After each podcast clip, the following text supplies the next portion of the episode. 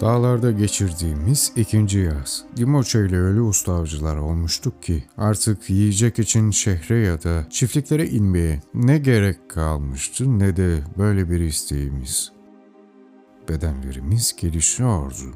Babalarımızın evindeki gibi ayda yalnızca iki kez ya da bayramlarda değil her gün her öğünde et yiyorduk. Bunun sırrı da köpekler edinmiş olmamızdı terk edilmiş iki yavru, annelerinin kış ortasında vakitsiz doğurup bıraktığı iki sıska, tir tir titreyen arka ya çoban köpeği yavruları. Birine mutlu, öbürüne de şanslı adını koyduk. Öyleydiler. Bahar geldiğinde etrafta koşuşturmaya başlamışlardı. Yaza kadar da içgüdüleri onları iyi birer avcı yapmıştı. Bu köpekler sayesinde açlık çektiğimiz günler sona ermişti. Nefes alan her şeyi izleyip öldürebiliyorduk. İki gözümüz kapalı uyuyabiliyor. Habersiz yakalanmaktan korkmuyorduk, diyor. Ben ve köpekler öyle usta bir ekip olmuştuk ki yakaladığımız birçok fırsattan tanrılara mahsus bir alçak gönüllülükle yararlanmıyor. Avın kaçmasına izin veriyorduk. Krallar gibi karnımızı doyuruyor. Didişip çabalayan çiftçileri, dağ tepe yürüyen keçi çobanlarını hor görüyorduk. Urukseus bizim için kaygılanmaya başlamıştı, vahşileşiyorduk. Artık bir yurdumuz yoktu. Geçen akşamlar boyunca her akşam bize Homeros'u okumuş ve en çok Mısra'yı yanlışsız olarak kim tekrarlayacak oyununu oynamıştık. Şimdi bu, bu onun için daha çok önem kazanmaya başlamıştı. Gittikçe zayıf düşüyordu. Bunu hepimiz biliyorduk. Yanımızda daha fazla kalamayacaktı. Bildiği her şeyi bize öğretmeliydi. Öğretmenimiz Homeros'tu. İlyada ve Odysseia ise bu okulda öğretilen dersler. Odysseus'un geri dönüşünü, İtaka'nın gerçek efendisi olduğunu paçavralar içindeki halinden kimsenin anlamadığı ve keçi çobanı Hümeyeus'un kulübesine sığdığını anlatan mısraları tekrar tekrar okurduk.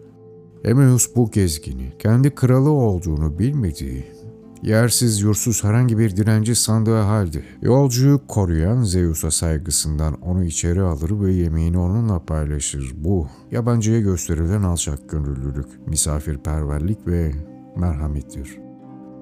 Onu özümsemeli, içimizde en derinlere gömmeliyiz. Burukseus bıkıp usanmadan bize merhameti öğretmeye çalışıyordu. Erdem'in dağlarda katılaşan kalplerimizden kaybolup gittiğini fark ediyordu. İlyada'nın sonundaki çadır sahnesini okutuyordu. Burada Truvalı Priya Maşir'in önünde diz çökerek en sevgili ve en güçlü oğlu İlyum'un kahramanı ve koruyucusu Hector'da dahil olmak üzere bütün oğullarını öldüren adamın elini öperdi.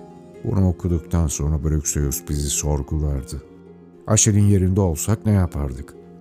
Biz Priam gibi miydik? Tanrıların gözünde her iki adamın davranışı da doğru muydu? Bruxeus bir şehrimiz olmalı diyordu. Şehrimiz olmadan avlayıp öldürdüğümüz hayvanlardan farkımız olmazdı. Atina. İşte diyor öyle oraya gitmeliydik. Atina Hellas'ın tam anlamıyla en açık, en hür ve en uygar şehriydi. Atina'da filosofya, bilim aşkı her şeyden üstün tutulurdu. Burada tiyatro, müzik, şiir, mimari ve diğer sanat dalları yoluyla akıl geliştirilir ve onurlandırılırdı. Atinalılar savaşta da Hellas'ın diğer şehirlerinden aşağı değillerdi. Onlar göçmenleri hoş karşılarlardı. Benim gibi akıllı ve kuvvetli bir çocuk bir zanaat öğrenir. Bir dükkanda iş bulabilirdi. Atina'nın bir de filosu vardı. Sakat ellerimle bile kürek çekebilirdim.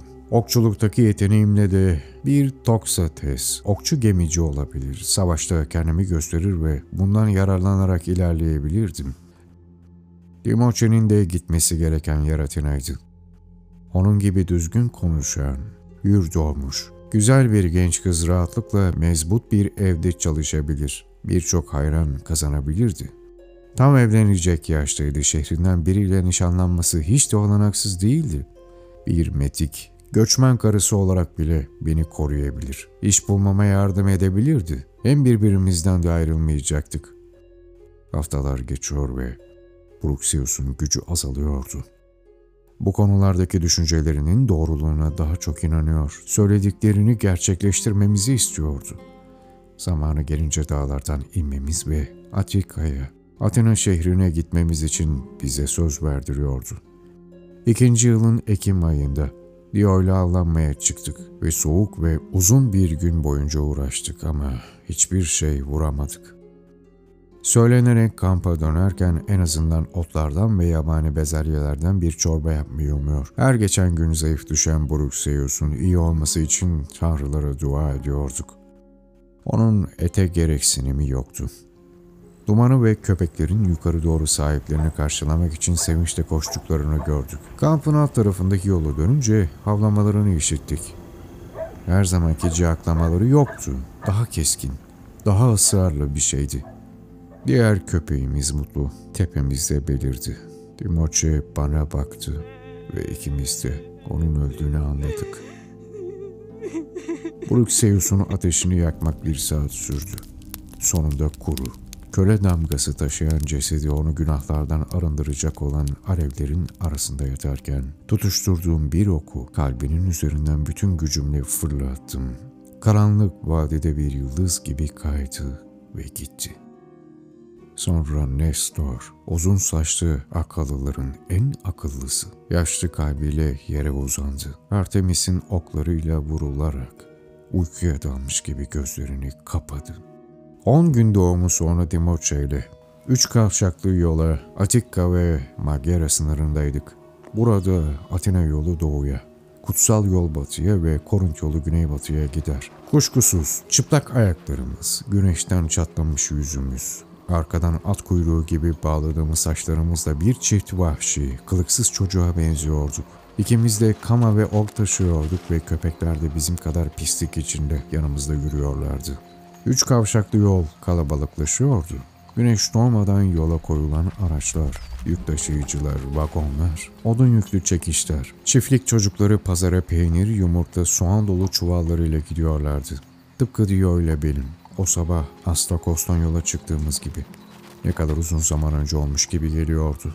Oysa yalnızca iki kış geçmişti. Kavşaklarda durup yol sorduk. Bir sürücü eliyle göstererek Atina'nın şu tarafta, iki saat ötede olduğunu söyledi. Kuzenimle dağlardan aşağı indiğimiz bu bir haftada çok az konuşmuştuk. Şehirleri ve bundan sonraki yaşantımızın neye benzeyeceğini düşünüyorduk. Ee, Yolda yanımızdan geçenlerin ona nasıl baktıklarını görüyordum. O artık bir kadın olmuştu. Yürüdüğümüz son gün birdenbire bebeklerim olsun istiyorum dedi. Bana göz kulak olacak. Benim de ona göz kulak olacağım bir kocam olsun istiyorum.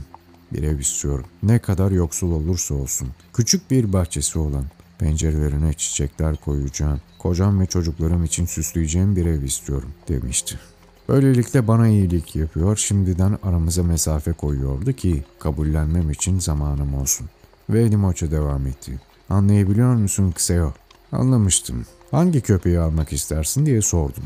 Bana kızma dedi. Yalnızca işlerin nasıl olduğunu ve olması gerektiğini anlatmaya çalışıyorum diye cevap verdi. Onun şanslıyı almasına, Mutlu'nun da bende kalmasına karar verdik. Yürürken şehirde birlikte kalabiliriz diye sesli düşünüyordu. Herkese kardeş olduğumuzu söyleriz ama kabul etmelisin kısaya. Dürüst birini, bana saygılı davranacak birini bulursam diye devam etti. Anlıyorum artık susabilirsin demiştim. İki gün önce yanımızdan yanında kocası ve neşeli bir arkadaş ve hizmetkar grubuyla Atinalı bir hanım geçmişti. Bu hanım Dimoçe'nin başlı görünüşünden hoşlanmış. Yardımcılarından onu yıkayıp yağlar sürmelerini ve saçlarının taramalarını istemişti. Bana da bakım yapmalarını söyledi ama onları yanıma yaklaştırmadım. Hizmetkarlar Dio'yu bir köşeye götürüp hazırlarken kafiledekiler de gölgelik bir dere kenarında pastalar yiyip şarap içerek vakit geçiriyordu. Kuzenim ortaya çıktığında onu tanıyamadım. Atinalı hanım ona bayılmıştı.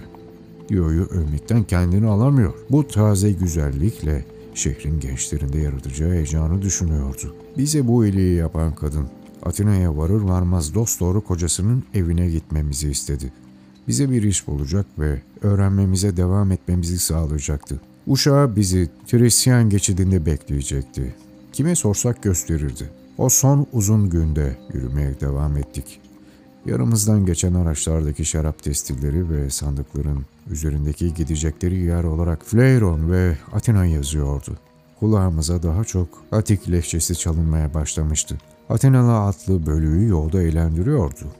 Dört denizci geçti. Her biri omzunda küreğini, elinde de kayışıyla yastığını taşıyordu. Yakında ben de onlar gibi olacaktım. Dağlarda Dio ile hep birbirimize sarılarak uyumuştuk. Sevgili olarak değil, ısınmak için. Yolda geçirdiğimiz bu son gecelerde kendi pelerinine sarılıyor. Ayrı yatıyordu. Sonunda şafak vakti üç kavşaklı yola vardık. Kuzenimin gözlerini üzerimde hissediyordum. Bana gelmiyorsun değil mi diye sordu. Bir şey söylemedim. Hangi yolu seçeceğini biliyordu. Sonra Bruxeus sana kızacak dedi. Köpekler ve av sayesinde Dio ile ben tek bir bakışla anlaşmayı öğrenmiştik. Gözlerimle ona veda ettim ve anlaması için yalvardım. Bu şehirde ona iyi bakarlardı. Kadın olarak yaşamı daha yeni başlıyordu. Dimoçe, Spartalılar sana eziyet edecekler, dedi.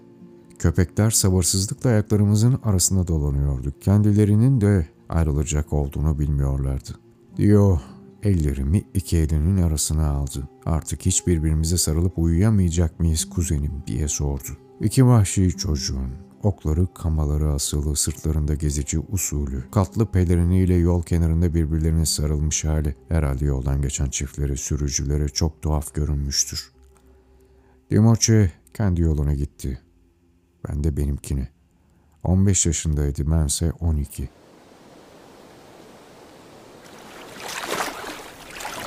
Suyun içinde Aleksandros'a bunun ne kadarını anlattım bilemiyorum. Hikayeyi anlatmayı bitirdiğimde güneş henüz yüzünü göstermemişti. Yüzen bir tahta parçacığına tutunmuştuk. Bir kulaç dağıtamayacak kadar bitkindik. Su gittikçe soğuyordu. Uzuvlarımız hipotermiye uğramıştı. Aleksandros'un öksürdüğünü, konuşmaya çalıştığını duyuyordum. Bu tahta parçasını bırakmazsak öleceğiz demişti. Kuzeye doğru bakmaya gayret ettim. Tepeler görünüyordu. Fakat sahil yoktu. Alexandros soğuk eliyle elimi yakaladı. Ne olursa olsun seni bırakmayacağım diye söz verdi. Tahtayı bıraktı. Ben de aynısını yaptım. Bir saat sonra kendimizi Odysseus gibi kuşların barındığı bir sahilde bulduk. Kayaların arkasından akan bir tatlı su kaynağından doyasıya içtik. Saçımızdan, gözümüzden tuzları yıkadık ve kurtulmuştuk. Şükretmek için yere diz çöktük. Sonra neredeyse bütün sabah ölü gibi uyuduk. Kayalıklara tırmanıp kuş yumurtaları topladım. Kumların üstünde paçavralar içinde onları çiğ çiğ yuttuk. Aleksandros, sağ ol, dostum, dedi yavaşça. Elini uzattım. Ben de tuttum. Sen de sağ ol. Güneş tepeye yükselmişti. Giysilerimiz tuzdan kas katı olmuş halde üzerimizde kurumuştu. Aleksandros yürümeye başlayalım dedi. Yarım gün kaybettik.